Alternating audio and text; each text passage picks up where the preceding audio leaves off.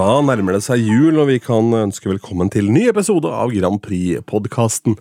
Jeg heter Ronny Bergersen, Anders Tangen er med i dag også, og gjest eh, opp mot, eh, opp mot høytiden her, Vivi Stenberg, velkommen til oss. Tusen takk. Tusen takk.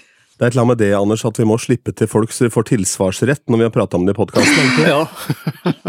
Det har jo vist seg å være en veldig effektiv måte å få med folk i podkasten på. Det er å nevne dem ved navn, og så, og så hender det at de da stiller opp litt etterpå for å ikke forsvare seg, men takke for rosen i dette tilfellet, da. Fordi at jeg var jo ganske klar ute og øh, var jo så begeistra for 2013-årgangen særlig, men også den merittlista med Margaret Berger, ikke sant, med fjerdeplass, og Carl Espen året etter med en åttendeplass, og så en åttendeplass der deretter også med Mørland og co., tre sånne jurylåter blant annet, som også slo an blant folket. Så jeg syns at det var veldig fascinerende, litt kontrast til det som kanskje er nå hvor vi treffer folket og ikke juryen, og det syns jeg er så et utrolig spennende bakteppe, og det er et eller annet med at når hun satt som musikkansvarlig, nå gjør hun ikke det lenger, hun jobber ikke i NRK engang, men hun har vært underholdningssjef, så tenker jeg kanskje hun kan snakke litt friere når hun ikke har hånda på rattet, tenker jeg. vi får se, vi får. Vi får se. Skal sies at jeg var ikke underholdningssjef, jeg var redaksjonssjef. Så vi skal ikke ta, vi skal ikke ta, skal ikke ta fra eh, Charlo Halvorsen den jobben helt ennå. Nei, nei da, nei, det, er han som, det er han som sitter både med pengesekken og uh, uttalelsesrett fortsatt. Ja, ja da. Ja. Nei, men det var veldig hyggelig. Jeg så navnet mitt på Dere dukka jo opp i feeden min i jevne mellomrom, og så så jeg plutselig navnet mitt, og så tenkte jeg jaggu, så eh, hva, hva, er dette? Og så er det noen som husker det, og så var det veldig hyggelig. Så tusen takk for fine ord, Anders. Ja til dere begge.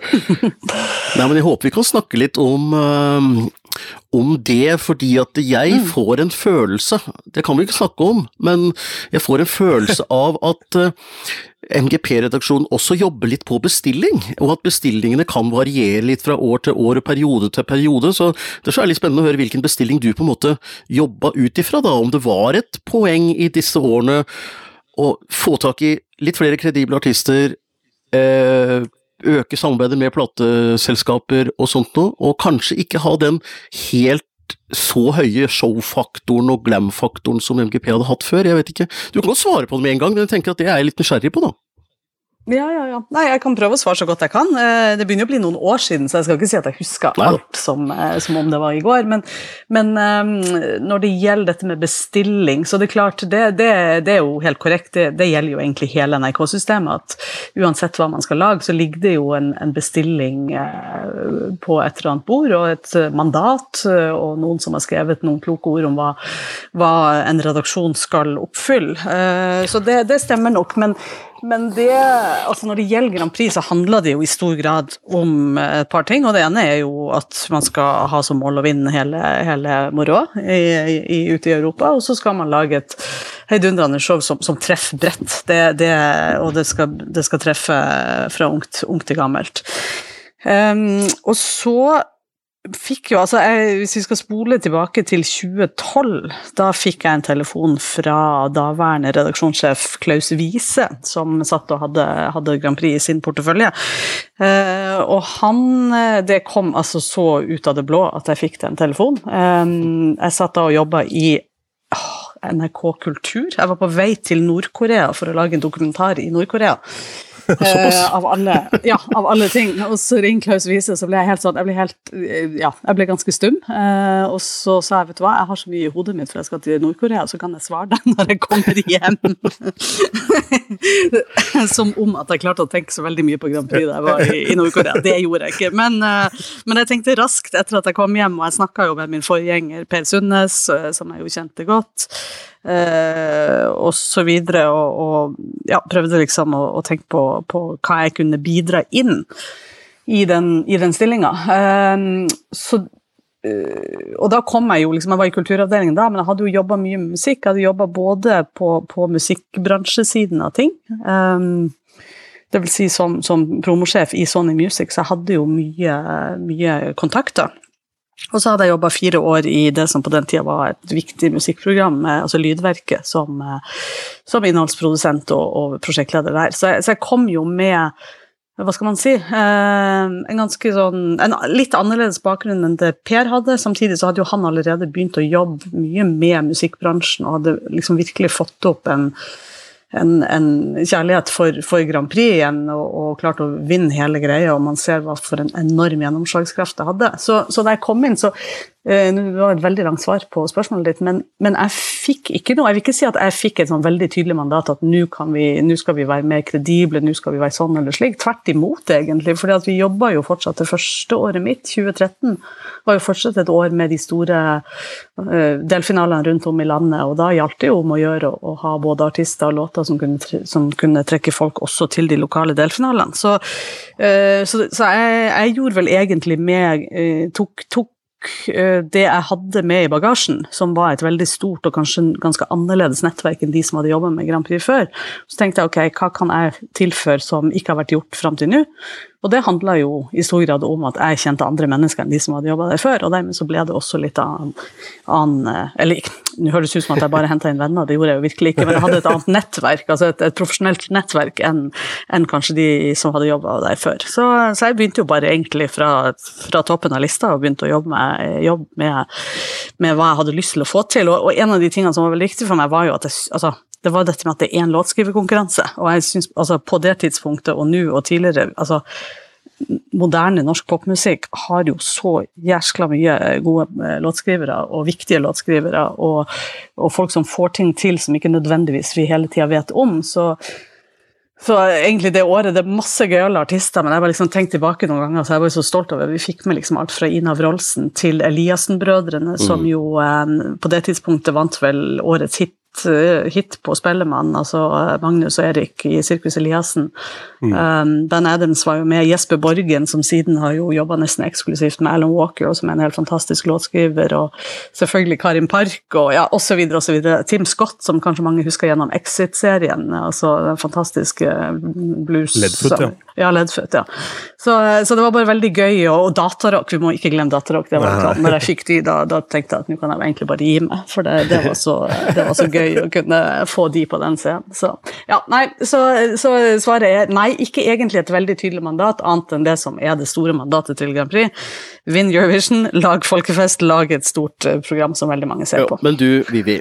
Da må, vi, ja. da må, vi, ta den elefanten i rommet der med en gang. Fordi ja. jeg, eh, i 2016 så skrev jeg et brev til daværende kringkastingssjef Tor Gjermund Eriksen og sa kan du stille opp et intervju om hvorfor det er så viktig for NRK å vinne eh, Eurovision. Til mitt store overraskelse svarte han ja, og dette har tidligere liksom hjemsøkt NRK litt. fordi at der var han veldig tydelig i dette intervjuet ja. med ESC Norge om hvorfor det var viktig for eh, NRK å vinne.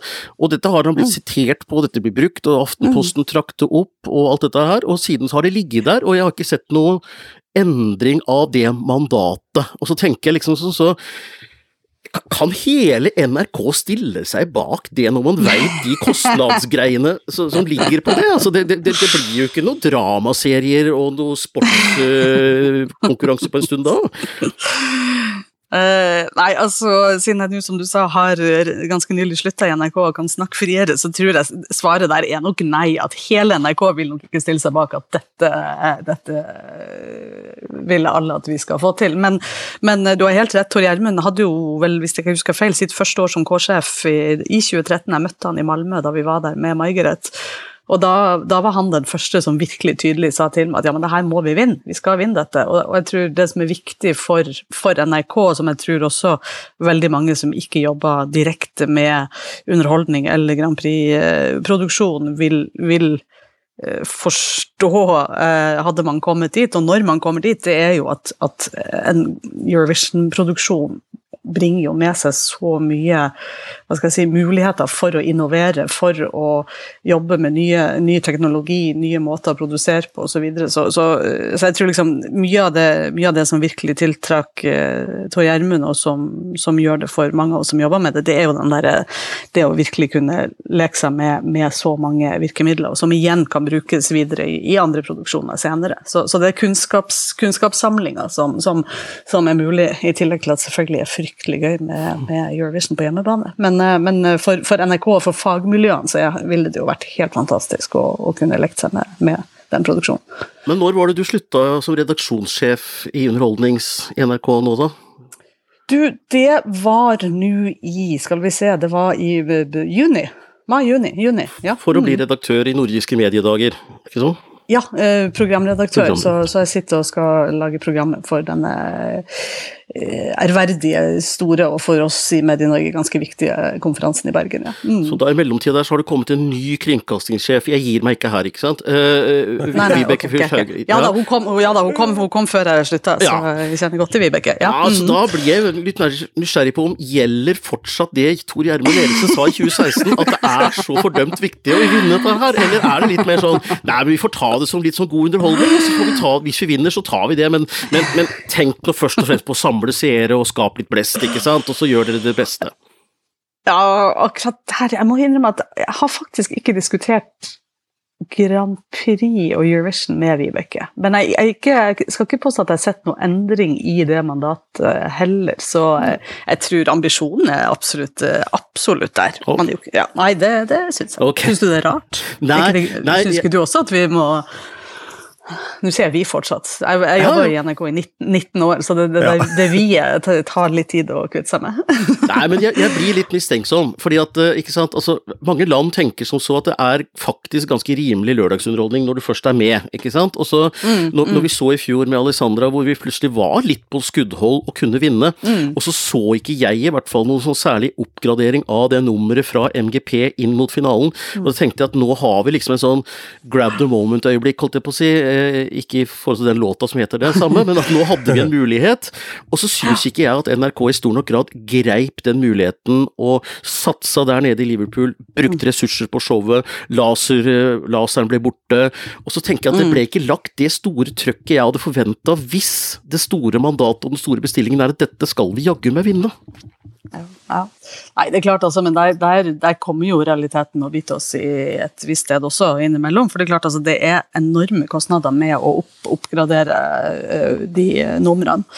Uh, så der, der handler det jo om liksom hvor hvor skal man legge pengene? Og du har helt rett i at det selvfølgelig er strategiske eh, hva skal jeg si, virkemidler å enten lage veldig store, tydelige, gode nasjonale finaler, delfinaler, finaler, og bruke penger på det, eller så må man Altså, man har jo bare en viss sekk å bruke, eh, og man får ikke plutselig masse mer penger fordi at man kommer til en finale internt i NRK, det gjør man jo ikke. Så, så det, det, det er du har, du har noen poenger der, men eh, det står, ikke, det står, i hvert fall ikke på ambisjonen, men det er klart, noen ganger så står det selvfølgelig på den økonomiske virkeligheten, og det har vært særlig reelt de, de, senere år. Da må dere lage en hemmelig pengesekk som heter Eurovision-vinnerpotten, hvor liksom når vi har en låt som på oddsen ja. plasserer seg høyere enn plass seks, så, ja, ja, så, utløses denne her potten, dette fondet, som da skal brukes til å dyrke fram vinneren i ukene mot finalen. Ja, jeg syns det høres ut som en kjempeidé.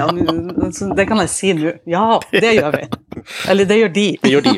Det skal hete Tangenfondet, det fondet. Så, Nikolai Tangen. Ja, det er faren min. ja. Det er broren min.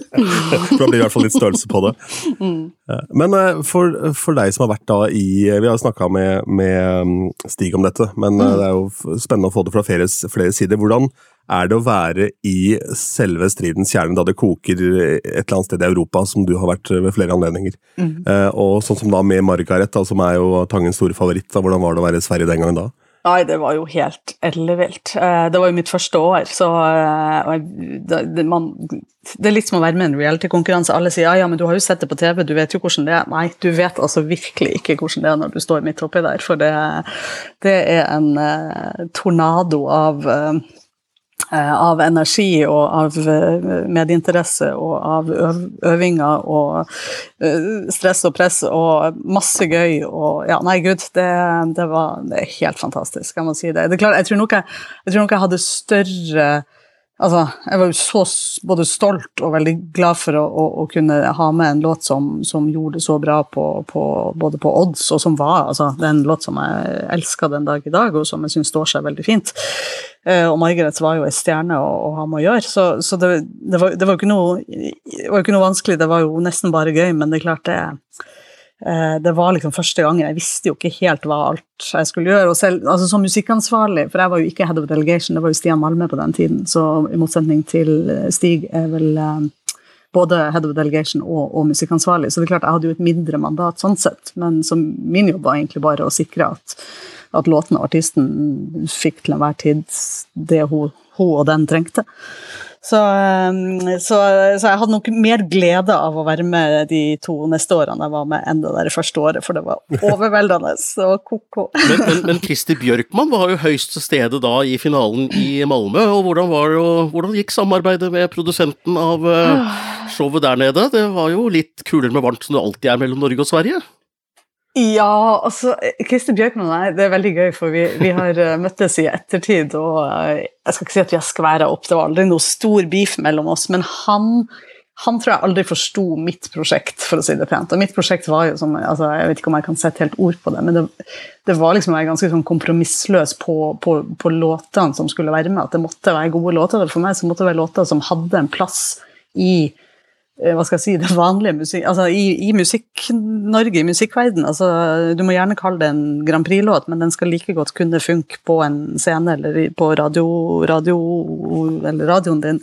Så, så, eh, og det eh, jeg tror, altså, Sånn som Karl Espen forsto han ingenting av. Da, da sto han nesten og håna meg. Jeg husker vi hadde en sånn, vi ble intervjua på ja, hva var det, Ekspressen, hadde en sånn livesendinger. Og han bare Ja, gratulerer med den låten. Jeg forstår ikke hva dere tenker på. Liksom. Altså, han var bare så til, tilløp til nedlatende, vil jeg si. Men, uh, og samme egentlig med, med 'Monster Like Me'. Den forsto han heller ikke til å begynne med, men har han, eh, den har han virkelig um, ikke unnskyldt seg, men han har sagt at der, han har innrømt at han tok feil. Ja. så, så, det er veldig gøy etter, etterkant. Men, men, han er jo en hyperprofesjonell fyr, altså virkelig. Og det, det, altså, man skal jo ikke ta ifra han en eneste ting han, han har klart å få til. Så, og han forstår kanskje Eurovision eh, organismen bedre enn det jeg gjorde, men eh, jeg syns jo det var gøy å ta med de låtene som vi gjorde, og likevel se at Europa responderte så godt på, på de. Men var det lett å få med eh, han på ideer om hvordan du ville produsere f.eks. Margaret Berger, som var ganske sånn minimalistisk stramt, eller ville han gå i noen annen retning? Ja, nei, det var ikke, det var ikke noe problem. Nå husker jeg ikke helt, altså Det er jo ikke han som er sånn, nei. han er jo ikke billedprodusent, så, så, det er jo mer billedprodusenter man jobber med. og de var, de var, veldig, altså Man sender jo inn et forslag på, på hva man har lyst til å få til, og, og, og vi, der var vi jo veldig fornøyd med det uttrykket som var i nasjonale finaler. og, og Uh, og ville egentlig bare gjøre det større, fetere, tydeligere. Um, men der, hvis ikke jeg husker feil, så var jeg lurer på, Sleit ikke vi det året? fordi at altså, Våre Steadicam-operatører, altså, og særlig da Tim Tønnesen, er jo en mester i sitt fag.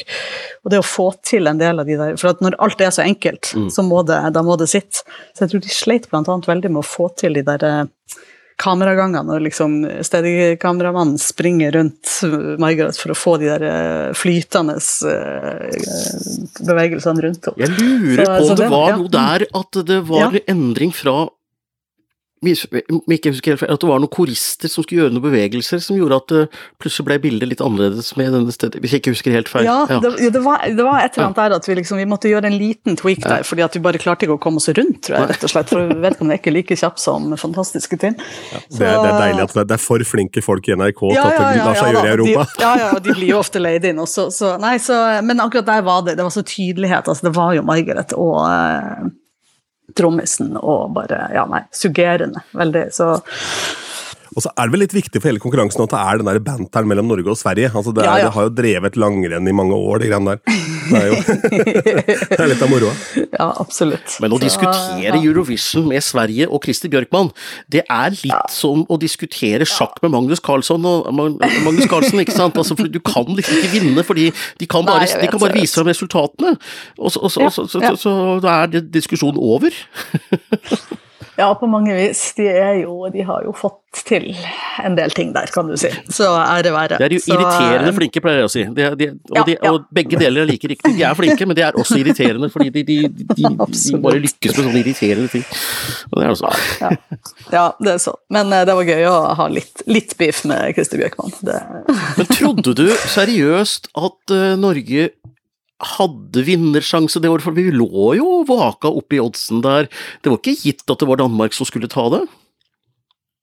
Nei, det var det jo ikke. Uh, nei, vi lå vaka høyt. Uh, og stemninga liksom rundt og bak og var jo ganske elektrisk, så det, kunne, det, kunne, det, føltes som at det kunne gå veien. Jeg vet at Margaret har sagt etterpå at hun følte at hun skuffa oss, men jeg var, sånn, jeg var så, jeg, altså, A, jeg var så glad at vi gikk videre til finale, for jeg, jeg ante jo liksom altså, tenkte herregud, første år, og så tenk om vi ikke Du vet, du vet alle de tankene som er når man sitter i det der green room eh, under under uh, semifinalen. Altså. Men, så jeg var bare ekstatisk da vi gikk videre. Og så, var, så visste og håpa jeg jo at vi kom til å få en god, uh, god plassering, men at vi skulle vinne, det, det, det, det, kunne skje, men det var ikke noe jeg forventa. Det var det ikke, det må jeg innrømme. Det var veldig men jeg er en litt, en litt stoisk type, da. Ja, men det er bra. Jeg husker i 2009, da var jeg på Nordiske mediedager i Bergen, og så satt ja. jeg på Wesselstuene, og så kom jeg i prat med Odd Arvid Strømstad, og dette var da yes. mens Alexander Rybak holdt på med prøver borti Moskva der. Ja. Eh, og da kom han og sa at eh, nei, vi har leid eh,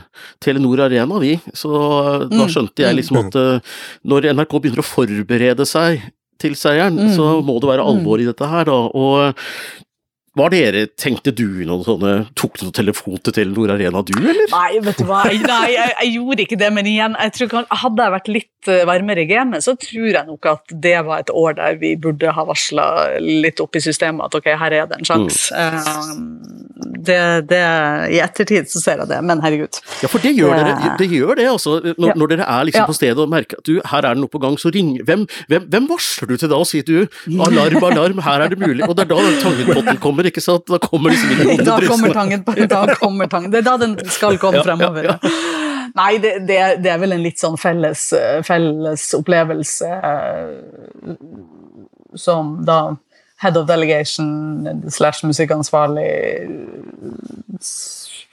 redaksjonssjef diskuterer og liksom ser at ok, her, her, oi, her, her skjer det noe. Så, så, det har vel skjedd i senere år, men, eh, men eh, vi, skal ikke, vi, skal ikke, røpe alt heller. Nei, men det har skjedd i senere år? Det har skjedd i senere år. Det, så mye kan jeg si. At det varselet har kommet om at eh, nå kan Norge vinne? Ja, og da setter man en, litt sånn, bare en sånn skygge, skyggeredaksjon, sånn at, og begynner å se på hvor man eventuelt skal booke. Ja, du vet litt. Nei, ja, jeg vet ja, ikke det. Jeg, du sier du vet, nei, dette er jo fantastiske nyheter.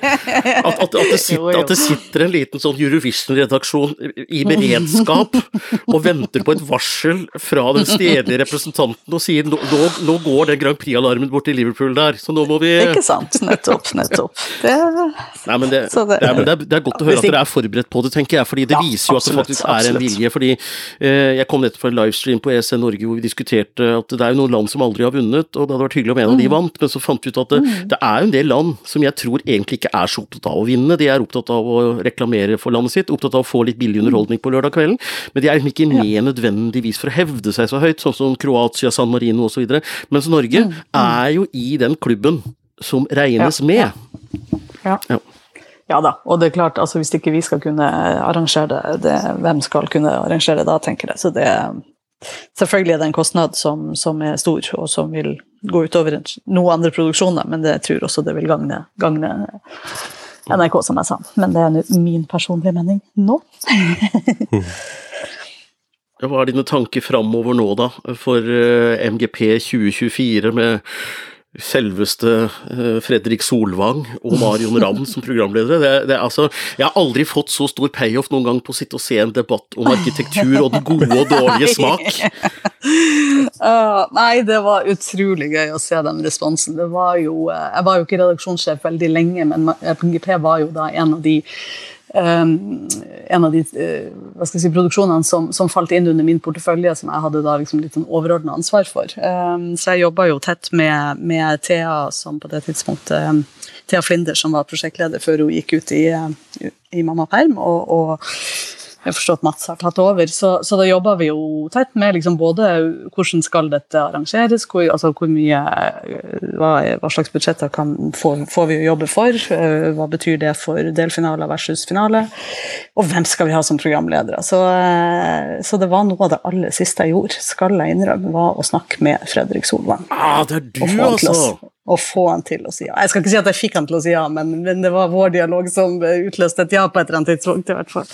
Og det syns jeg er så ja, det, vet du hva, det er så gøy å se den responsen som kom. For det er klart, det er klart at han eh, han kjente på, på, at han har, han har jo en, en, en uh, standing og en, en uh, Hva skal jeg si En, en programlederrolle som han, han, er viktig for han at, at han beholder den integriteten rundt deg. Så det er klart han var litt sånn smånervøs, men han er jo en mann som elsker Grand Prix og Eurovision. og tar det dønn seriøst og kan masse om det.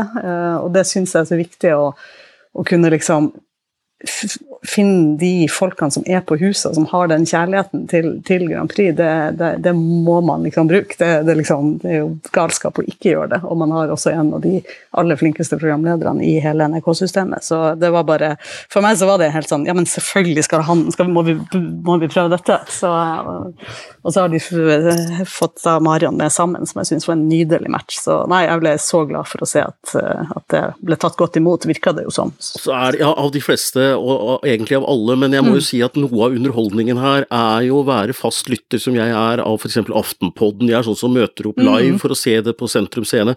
Nå fikk jeg ikke vært der denne gangen, men, men, men når du greier å sjokkere folk som Sara Sørheim, eh, Hans Petter Sjøli i VG og Anders Giæver, som ikke aner hva de skal si, som har vært så kritiske til dette eh, gammeldagse, nedlagte showet, og så kommer deres kjæledegge, Fredrik Solvang, og skal lede.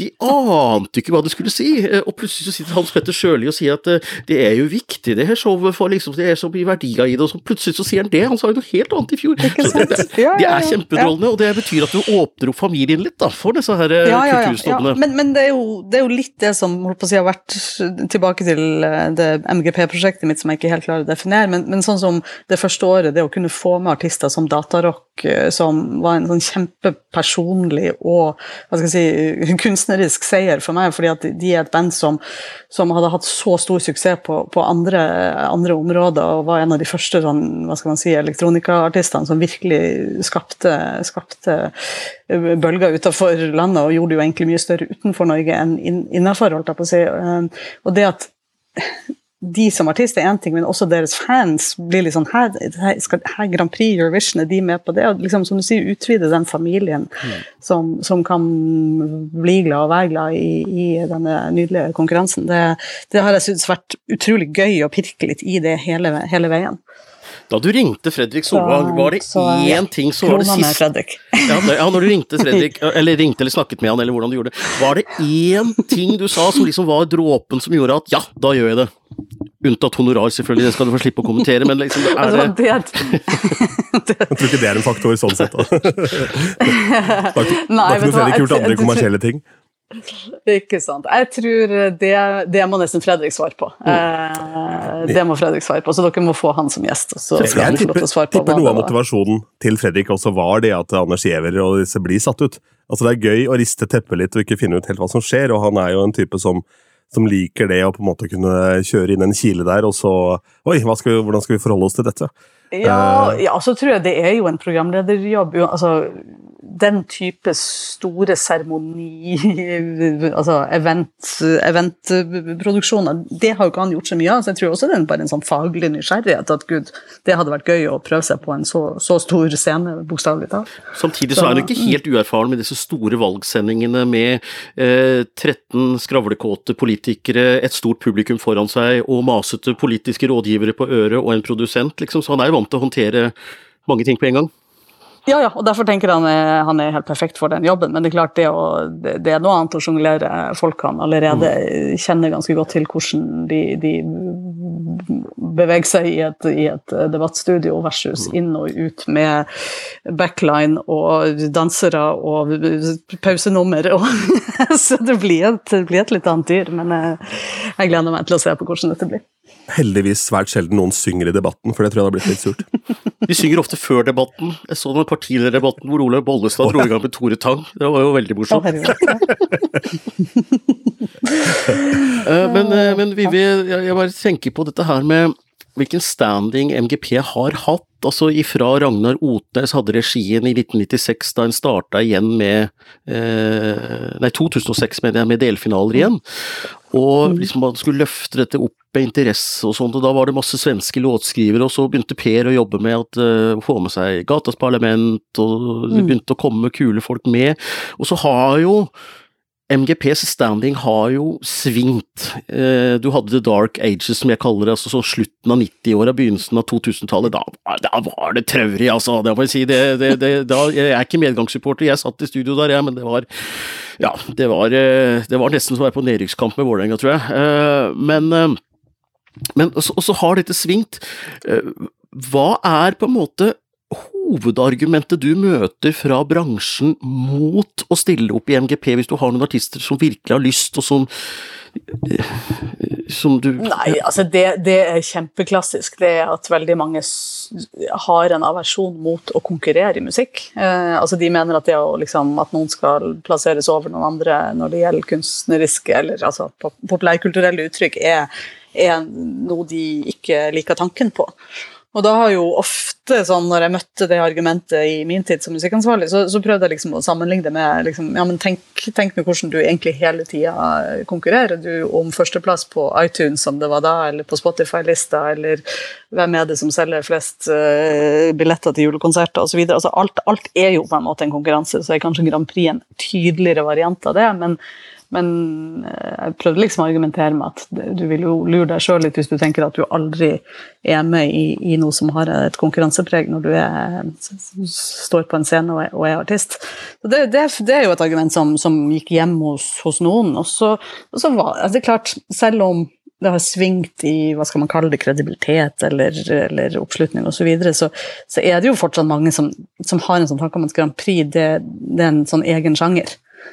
Uh, og jeg er ikke en Grand Prix-artist. Mm. Jeg kan ikke skrive Grand Prix-låter. og det, det, ja, Der også har man jo masse argumenter. Men, og, det, og det var egentlig uh, Hvis jeg skal være litt alvorlig, så, så er jo uh, det å jobbe så tett med folk som du på en måte du, du ja, du snakker masse med de du, de du overtar, legger jo på en måte sin ikke om ikke karrieren, men de legger nå en del av tida si og en liten bit av sin karriere i, i, i dine hender, på et vis. Mm. Og, og, måten vi forvalter det på Noen ganger så treffer du blink, og andre ganger så, så går det ingen vei. Og jeg, jeg syns liksom Ære være Stig som har jobba med dette i så mange år. For, jeg, for meg så var liksom Jeg ble jo bare der i tre år, det var litt andre grunner òg, det er ikke det, men, men jeg syns at den, den der psykologiske delen av det. Mm. Kjempevanskelig, kjempekrevende, kjempegøy òg, men, men, det syns jeg var ordentlig sånn Det er en tøff del av jobben, for du jobber med det hele året. Ja, jeg skjønner det, fordi, og det er jo også en mm. spennende mm. diskusjon sett fra seers synspunkt, så er det spennende med mm. en total poengtavle fra ti mm. til én som nå er tilbake i den norske finalen i fjor, f.eks. Så er det en som kommer på mm. sisteplass fordi den får ja, ja. færrest poeng.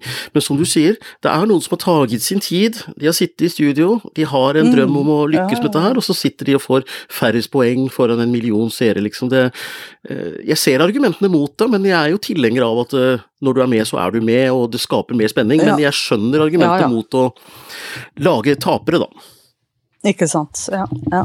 Og så er, det jo en annen ting som, som jeg snakker mye om til de som har hørt på, men som, som som jo eh, For det er, så, lett å mene noe om Grand Prix. Alle mener jo noe om Grand Prix, og det er jo gøy. For det, altså det er tre minutter med pop, popmusikk, eh, mer eller mindre, og det kan alle mene noe om. Eh, det er mye her i verden som er vanskeligere liksom, å slenge ut en kommentar på Twitter, om det er en partilederdebatt, eller om det er liksom et uh, stykke av Tsjajkovskij på hovedscenen. Altså det, men tre minutter popmusikk, det klarer du å si noe om, og dermed så mener jo veldig mange veldig mye om det. Men så er det jo også en scene der vi eh, jo ikke har brukt noe eh, autotune, eller ikke sant? Det har ikke vært justering av vokal, eh, vokalprestasjon. Og det har jeg prøvd å minne folk på at det er omtrent det eneste gangen du hører live vokal på noe sted noensinne om dagen. Eh, og det er ganske brutalt. Så når folk er sånn 'Å, fy fader, du synger jo så surt', så ja, det, den er litt tøff å, å forklare at det er fordi at eh, dette gjøres ikke så mange andre steder lenger. Men nå er jo autotune kommet, da? Ja, den har det, og det tenker jeg kanskje på mange måter er greit. Mm. For det, det, det, blir, det, blir, så Det blir så det blir så kontrast til alt annet man hører. Så, så seere og lyttere er jo ikke vant til å høre live vokal lenger. Og det Nei, det kan være litt tøft. Men du, jeg bare kom på en ting ja. som jeg har lyst til å spørre om, og det er eh, ja. Jeg er litt sånn søkker for ting som kan gå litt gærent. Jeg syns at det er så gøy, og det er ingen som svarer ærlig på det. Men jeg lurer på, har det hendt at dere i siste liten virkelig har fått panikk og har vært nødt til å endre et pausenummer, vært nødt til å endre en artist i siste lita, eller uh, har, det, har, det, skjedd noe der som du kan dele nå i ettertid? det er ganske lompent gjort, ja, er det ikke det? Å skulle begynne altså, hadde det vært jeg som hadde dritt i meg, så skulle jeg gjerne ha delt på det, men jeg har ikke vært så mye uh, frampå. Men jeg tror kanskje at hun tåler å høre det nå, men eh, fantastiske, nydelige Adelén som var med også førsteåret mitt eh, med Bombo, hun hadde jo virkelig aldri stått på en stor scene før. Eh, og vi hadde jo, men hun var jo ung og sprek og kunne danse og uh, kunne synge og alt sammen. Greia var jo bare at når du skal danse og synge og stå på en scene for første gang, det krever sin, sin uh, pusteteknikk og kondisjon osv. Så, videre. så der måtte vi vel ganske sånn opp mot sending bare skrelle bort en del dansetrinn, for det bare ble for mm. mye. Og det hadde ikke noe med at det var Adelén som ikke klarte å gjøre alt. Det var bare at vi hadde ikke tenkt at, at dette ble for mye for en, for en såpass urutinert eh, artist. Så, så der bare skrelte vi noe bort, men, eh, men det, det, ble gjort ganske tett opp til sendingen. Ja. Så, mm, så. ja, nei, så ting kan, ting kan, skje. Det er jo uh, ja. Og så er det jo den, den klassiske på, på, Eurovision i Malmö, der uh, kjolen til, til, Margaret sprakk like før vi skulle inn på, på uh, Så Susann Hoftun, bless her heart, uh, klesdesigneren, sto jo og sydde på den kjolen på vei inn på scenen omtrent. Å, det er fantastisk. Så, ja, det er helt, helt ko-ko. Men hun så ut som en million dollar uansett. Men Margaret Berger sitt nummer, var det et nummer som var planlagt lenge sånn som det skulle bli med Margaret Berger, og var det liksom Var det plukka ut i god tid, og sånn skulle det være, eller blir det skrudd sammen? For jeg syns at det var så perfekt med to trommiser, hun sto der med denne kjolen. Var alt liksom tenkt på forhånd, eller blei det litt til mens man ja. gikk? Ja, nei, altså det var vel én trommis, uh, og hun det, det, var jo det som var enda igjen. Ja, det var det. Men, um, ja. Mm.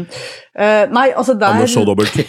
Anders så dobbelt, ja. så vanlig. Uh, nei, altså der kom det jo en låt ganske tidlig, like etter at jeg begynte å, å jobbe med, med Grand, Grand, Prix, eller det, det første året mitt. Så da jeg kom på jobb, så lå det jo 1000-1200 låter på CD. Vi drev jo fortsatt på å sende inn på CD, så hadde vi fått inn haugevis av musikk som jeg skulle høre meg gjennom.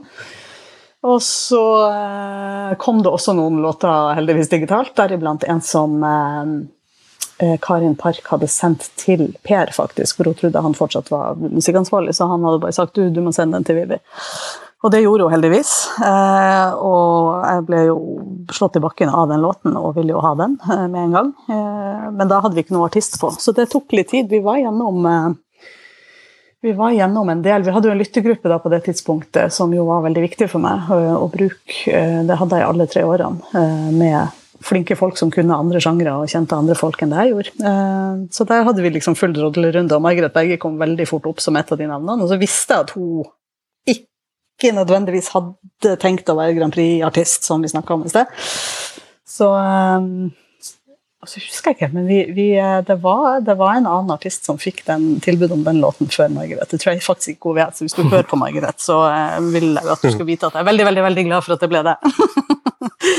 men det var en annen artist. Den artisten skal jeg ikke si hvem var, men det var noen som hadde vært med i en av de mange uh, talentkonkurransene det året, som hadde en helt fantastisk stemme, som også hadde gjort det helt nydelig, men når det ikke ble sånn, så jeg må bare minne om at Anders Tangen kaller seg for Sherlock i denne episoden, så han kommer til å bruke hele natta ja, ja, ja. så, men, men, for å svare på spørsmålet litt helt, helt ut, så, så, da Margaret kom på, og vi fant ut at dette var jo match made in heaven, så, så var det, mm. det var veldig Margaret sin visjon eh, sammen med med trommisen, egentlig, og, gjøre det så rent. Og kjolen var jo noe hun var jo hennes Jeg tror hun fant den kjolen som hun kom med til systua, som de modifiserte osv. Så, videre. så dette var, det var Når hun først var med, så var hun virkelig med. Så det var utrolig gøy. Og det er ofte da det blir best, når artistene har eller ja, artistene og folkene rundt har en sånn ordentlig tydelig visjon av hva de har lyst til å få til. Så det, det er veldig gøy. Og så var, ja, Apropos dette med at jeg kaller meg for Sherlock, og det er litt med at jeg sitter der med rutete blazer, men eh, det er også litt med at vi er jo du, du, vet jo det at vi fans eh, vi liker jo å snoke litt, og det er litt gøy ja, ja. med Dere er helt håpløse. Ja, ja, jeg skulle til å spørre hvor, hvor, hvor, hvor, irriterende er det når vi liksom Når, vi, når du veit at vi egentlig veit, dere vet at vi veit, alle veit at man veit. Jeg husker, husker vi gikk ut med noe annet med Benedicte Adrian eh, skulle være sammen med Union. Okay. Da gikk vi ut ut med for det hadde vi egentlig ja. fått bekrefta. Og så skulle du ha en slags pressekonferanse med henne uti en båt, eller hva det var for noe dagen etter. Eh, da, da, da, da, kokte Ikke meg, jeg har, har, ikke hatt noe med, nei. med Nei, det, nei, kanskje, må... nei. Men, men hvor irriterende er det når vi liksom Nei, altså det er jo egentlig bare gøy. For hvis ikke, hvis ikke fansen hadde vært så engasjert, så eh, da Altså, tro meg, vi, vi, vi, er absolutt opptatt av, eh, når man jobber med Grand Prix, av hva dere tenker, hva dere eh, hva dere kikker på, hva dere syns er feil. Altså, jeg leste masse av disse forumene, bare for, å, for liksom å, å, Ikke nødvendigvis høre på alt som ble sagt og gjort, men, men, men mer for bare å få en liten sånn justering eller ja, nei, det var veldig gøy, men uh, når du står midt oppi det, så kan det være litt irriterende at det skal sies. ja, men, det, ja, men det, det, det, skjønner jeg. Men så er det jo også litt usikkert ja, så det litt usikkert også, selvfølgelig, hvor mye uh, PR som hadde kommet på den pressekonferansen uten de spekulasjonene også. Så det er jo sånt uh, ja, ja, ja. Høna eller egget-diskusjon, ikke sant. Sånn uh, Absolutt. Men det, nei, det, er jo spennende. Men det jeg ikke liker, da, det jeg ikke liker, og det jeg hadde ikke likt hvis jeg var deg heller, det er når noen mm via dirty metoder får tak i hele artistlisten og legger den ut f.eks. på Twitter ja, ja, ja. dagen før. Fordi det er eh, Jeg har jo aldri vært sikker på et rykte. Jeg går jo aldri ut med noe som folk sier at dette må du ikke si til noen. Da sier jeg aldri noe. Det er mm. egentlig bare fordi jeg har lagt sammen to og to og fire og fire. Eh, mm. Og det er en påstand. Men hvis jeg får vite det og folk sier dette må du ikke si til noen, så gjør vi selvfølgelig ikke det. For vi, da nei, mister vi all nei. tillit senere. Men når noen liksom får tak i en liste, det må jo være veldig forsmedelig. Det har jo mm. skjedd før at det har kommet på Twitter dagen før lansering og sånn sånn, det må jo være dritt. Ja, ja, ja. ja da. Ja, jeg husker liksom de første årene også, for da, da, var jo Jeg skal ikke si at det var nytt, men skal vi si 2013, altså, for da drev vi på og skulle vi skulle jo da eh, lansere, eller publisere låtene digitalt, ikke sant. Og så var det noen som ikke hadde vært like flinke til å huke av eh, alt hvor det skulle hukes mm, av, og så ja. ligger det plutselig en låt på en eller annen russisk nettside, og den finner jo dere selvfølgelig. Så det var, det var jo en del sånne, sånn mekk, men alt i alt, altså det som er kjipt, er jo hvis, hvis ting får en, et konkurransefortrinn, særlig da vi hadde ganske sånne tighte deadline, sånn som det der år to, da vi gikk liksom Og egentlig for så vidt også første året, som jeg var litt uenig i strategien, men da, da, gikk det jo veldig kort tid fra vi lanserte låt til det var, til det var delfinale. Og hvis, mm. hvis noen fikk én dag ekstra med rotasjon, så, så, kan jo det fort gi et utslag. Så, så alle sånne ting er ganske irriterende. Ja. Det, det, skal sies. Margit Berge ble faktisk lekka. Jeg husker jeg satt på kontoret mitt ja, og fikk den. Den kom litt, uh, litt, før den skulle lanseres, husker jeg. Mm. Ja, ja, det bare var en, det var en skødd, rett og slett. Altså feil. Ja. Så ja.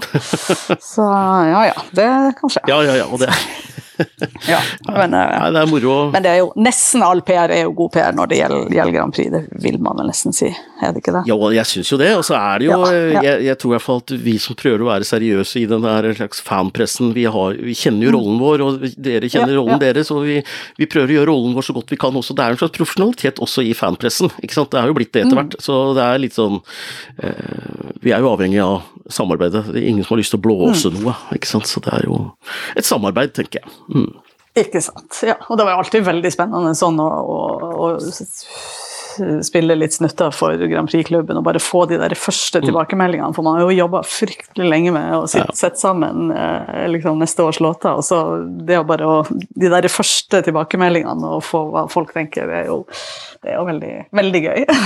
og veldig skummelt. Men da du, vi skal, gå inn, skal nærme oss eh, gå inn for landing her nå, Vivi. ja. vi får tatt oss litt ingefær til, både noen og enhver. Men eh, er det noen beslutninger som du tok som redaksjonssjef i Underholdningsavdelingen på slutten som liksom gir et frampek mot MGP framover? Blir det MGP neste år igjen? Blir det delfinaler?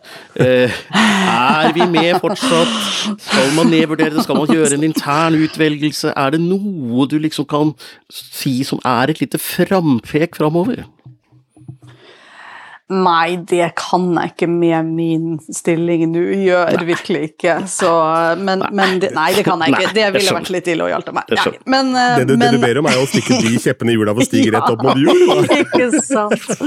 Men, eh, nei, men det som er helt tydelig, det er at MGP og MGP-finale er et kjempebrand for NRK, og det er en viktig Altså, selv hvor gammel det, det Altså, den konkurransen er, så, så, har den jo klart, og, og vi har bidratt til å, å, å fornye den, og at den, den står jo enormt sterkt. Og selv det så man jo selv disse årene da da vi, mitt første år og ikke minst andre år, så slet vi jo veldig med, med delfinale-seertallene. Ja. Eh, også fordi at uh, første året så kom jo et helt nytt program som het Hver gang vi møtes på TV 2, som selvfølgelig fikk masse, masse oppmerksomhet og, og mye, mye seere, som, som stjal en del fra oss. Og året etter kan vi ta en egen diskusjon på. Ja, jeg skulle til å si det. Var det 2014?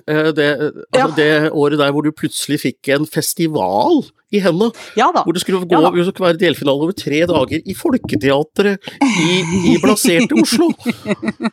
og, og låten skulle ja, spilles på Karl Johans gate på formiddagen. Altså, ja, et... skal, vi ta, skal, vi ta, et eget program om det, eller hva tenker du? Men da, vi, men da, kan vi, også ta et eget program om 2015, da vi hadde bare, del, bare finale med KORK i, i uh, Spektrum. og uh, en uh, godt stekt pizza med KORK som sang i kor. Altså det, ja. det var vi har, så gøy, det. Det var så gøy, gøy, det. Det var så gøy, det. Det 2015-årgangen. ja, det var gøy. Altså Staysman og Les og Bettan og Thor og Mørland og Scarlett og ja. Det var noen duoer der som, eh, som var eh, både gøy og fin. og har gått inn i MGP-historien. Ja, nei, og, var, og, du hadde jo tre så ulike år. 2013, da, ikke sant, hvor det var ja. mye diskusjon om Førde og Florø og billettsalg og kommunale ja. utgifter og alt dette her, til 2014, som uh, Vi kan vel være enige om at det, det, det, ble en helt ok finale, men det var litt stusslig stugge, og så kom 2015 med KORK og full pakke, så du fikk jo oppleve alle ja, ja, ja, virkelig. Virkelig. Men jeg vil oppfordre ihuga fans som kanskje har glemt 2014 2014. For dette er litt morsomt, for eh, det var, et, det, var det året jeg ikke jobba med Mathias Karlsson, blant annet, som jeg jo absolutt har jobba med de, de, andre årene. Og han, eh, han kan ofte komme til meg og si han, vet du hva, altså den 2014, vi må ikke glemme den. For vi går ofte tilbake og ser på de, på de låtene og de numrene, og det er veldig mye fint der. Så, sånn som Linnea Dale og ikke minst 'Taste of You' med Knut Kippersund, som kanskje er en av mine favoritter til den dag i dag av låter vi har fått med. Så, så det er mye gøy der òg, men, men, vi ga ikke den rammen som vi burde ha gitt i låtene. Julie Bergan sto på scenen i 2014 også, ikke sant, så det var uh, Nei, det var uh, Nei, det var 2013. Var det 2013? Ja, det var 2013. Der ser du. Der ser du. Der ser du. Ja da. Nei, men 2014, så... men det, det ble jo morsomt ved at dere redda dere litt inn med å lage en historie om at nå var glam og glitter var stjålet. ja, vi måtte jo bare ta den. Så, men selv da, det året, altså Eurovision altså Nå skal ikke vi ta æren for at folk ser i bøtter og spann på Eurovision, men, men, selv et år som hadde hatt såpass lave seertall, så da Karl Espen sto på scenen, så tror jeg det, tror det var nesten 1,4 millioner som så på da. Så, så det bare sier noe om at altså, Eurovision Grand Prix Brandy har så mye i seg fortsatt at det, det, Ja, så til det spørsmålet for to spørsmål siden om, om jeg kan si noe om hva som skjer framover, så Nei, det kan jeg ikke, men at Grand Prix er viktig for, for NRK på en eller annen måte, det vil det være i lang, lang tid framover. Ja, Carl Espen. Eh, flotte Carl Espen, som leda på mm. oddsen og som leverte fantastisk på scenen og kom på åttendeplass. Ja. Og jeg, jeg, bruker alltid holde foredrag om motivasjon og sånn for næringslivet rundt omkring, og jeg, henne jeg tar mm. Ikke finaleopptreden i den norske finalen, ikke finaleopptreden i København, men rett og slett hans første delfinaleopptreden, for jeg syns den var så nydelig. Hvorfor? Jo, fordi nettopp at han var så nervøs, og det var det han sang om. Så innholdet i teksten, hans budskap og måten han leverte det på fordi han, fordi han var nervøs, blei faktisk mm. selve scenenummeret der, og du kan ikke vente at han skal stå og ha den personlige påkjenningen hver gang, men du så at dette kosta han, og det var et sterkt TV-øyeblikk, altså. Det, det syns jeg. Ja, ja, det er fint at du sier det. det, det. Og den låten kan spilles jo også fortsatt en del på radio. Jeg kan høre den og bare kjenne at å, jo, den er ja, Jeg blir ordentlig glad og stolt over den òg. Det skjønner jeg. Nei, det er mye gode minner med, med de Nå, nå sitter jeg, nå, Å gud, nå ble jeg jo rent nostalgisk her. Men vi skal til Trondheim Spektrum. 8800 publikummere, yes. og fantastisk. Oh, jeg gleder yes. meg som en unge til det. Så, ja. ja. Men kan jeg spørre dere, ja. for dette er litt nysgjerrig, kan jeg stille et spørsmål tilbake? Vi har tid til det. Ja. Uh, delfinaler på, på, NRK i to studioer. Uh, hva heter det på fotballspråket? Football's coming home? MGP is coming mm. home? Hva, hva, tenker dere? Du først, Ronny, eller jeg har masse tanker. Ja, sånn er jeg kan begynne. Uh, nei, Vi har jo vært innom det litt i poden her også. Jeg tenker vel i utgangspunktet at Kanskje litt som dere tenkte da i 2014, hvorfor ikke? La oss prøve mm. litt. Eh, og så tenker jeg at det kan bli en vanvittig fin produksjon av det. Ref mm. Eh, da de gjorde Spellemann fra Konserthuset i Stavanger. Eh, hvor man har to forskjellige studioer, for dette er jo NRK best i verden på, å gjøre disse tingene her, og sy det sammen til veldig fin TV. Litt spent på hvordan publikumsopplevelsen blir. Eh, det kan nok hende at det føles litt fattig kontra en mye større delfinale en eller annen plass. Nå har det vel vært på den der H2 Arena i det siste, så da ja. er det kanskje ikke så mye mindre folk enn der. Men eh, annerledes, kult eh, og litt overraskende. Eh, mm. Ja, så alt i alt spent. Mm. Nei, jeg blir jo kjempeglad av dette her, jeg da. Eh, jeg sitter jo og ser på selvfølgelig finaler fra 1983 og 1982 med KORK som sitter inne i studio der, og Ivar Dyrhaug som sitter oppe i en slags eh, eh platå og leder det hele, og en alvorlig jury borti andre hjørnet, og eh, 1980-finalen hvor de så den første plakaten med Heia Åge ute i studio der, så det er litt sånn nostalgi.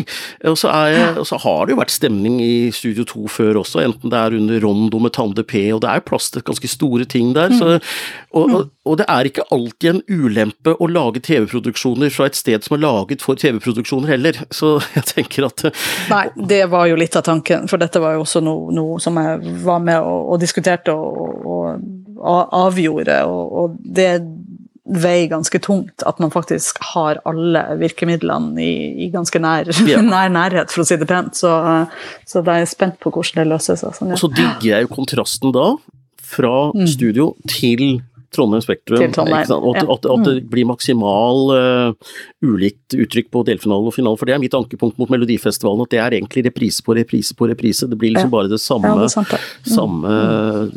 en gang til, da. Så det Nei, jeg tror det kommer ja, til å bli kult. Jeg har kjøpt billett til backstage siste delfinale. Vi kan sitte sammen med datteren min, så jeg kjøpte ikke til sceneproduksjonen. Jeg syns det er litt gøyere å sitte på det backstage-studioet. så jeg skal sitte. Ja, gøy. gøy. Ja. Kult. Kanskje, kanskje, vi ses der. Ja. Jeg må høre om jeg får en, eh, får en invitasjon. jeg tror nok, tror nok, det ordner seg. Altså.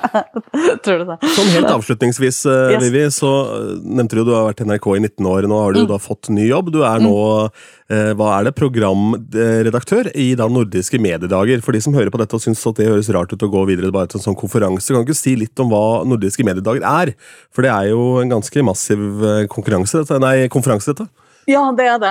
Um, altså jeg har jo vært deltaker der, i, eller delegat der i, i, i, noen år. Uh, og som programskaper så har jeg alltid syntes det har vært helt fantastisk å komme et sted der man for det første møter liksom uh, alle kolleger og stor, stor, del av bransjen på tvers, liksom fra avis og teknologi og TV og produksjonsmiljø. Så man, man møter møte alle som jobber i, i Medie-Norge, i hvert fall et tverrsnitt av, av veldig mange. Og så, så, er det jo, som programredaktør, så er det jo en slags lekegrind. Vi skal jo eh, lage et program som, som er noe no for, for, hele den, den brede medie, eller hele det brede Medie-Norge, og da, da, ser vi jo ut liksom å invitere folk fra Hollywood og Frankrike og England og våre nordiske kollegaer. Så, så det å kunne sette sammen et program er jo til noe som inspirerer en bransje som virkelig, virkelig trenger det, og som, som, står i en særstilling med at vi, vi nyter så mye tillit her, her, oppe i nord, og den, den, må vi forvalte. Så vi må fortsette å være absolutt best i verden på, på vårt virke. Så, så, jeg håper jo at liksom det kan bidra til å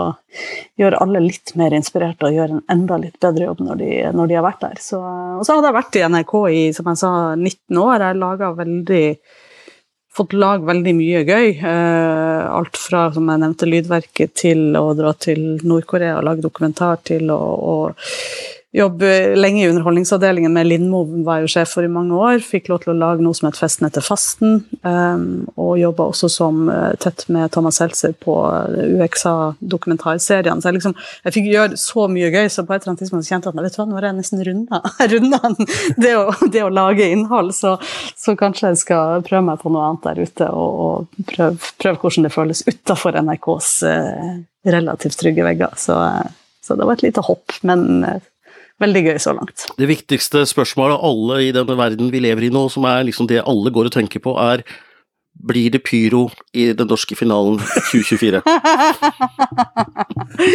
det må du ringe Stig Karlsen og spørre om. Nei, jeg har gjort det.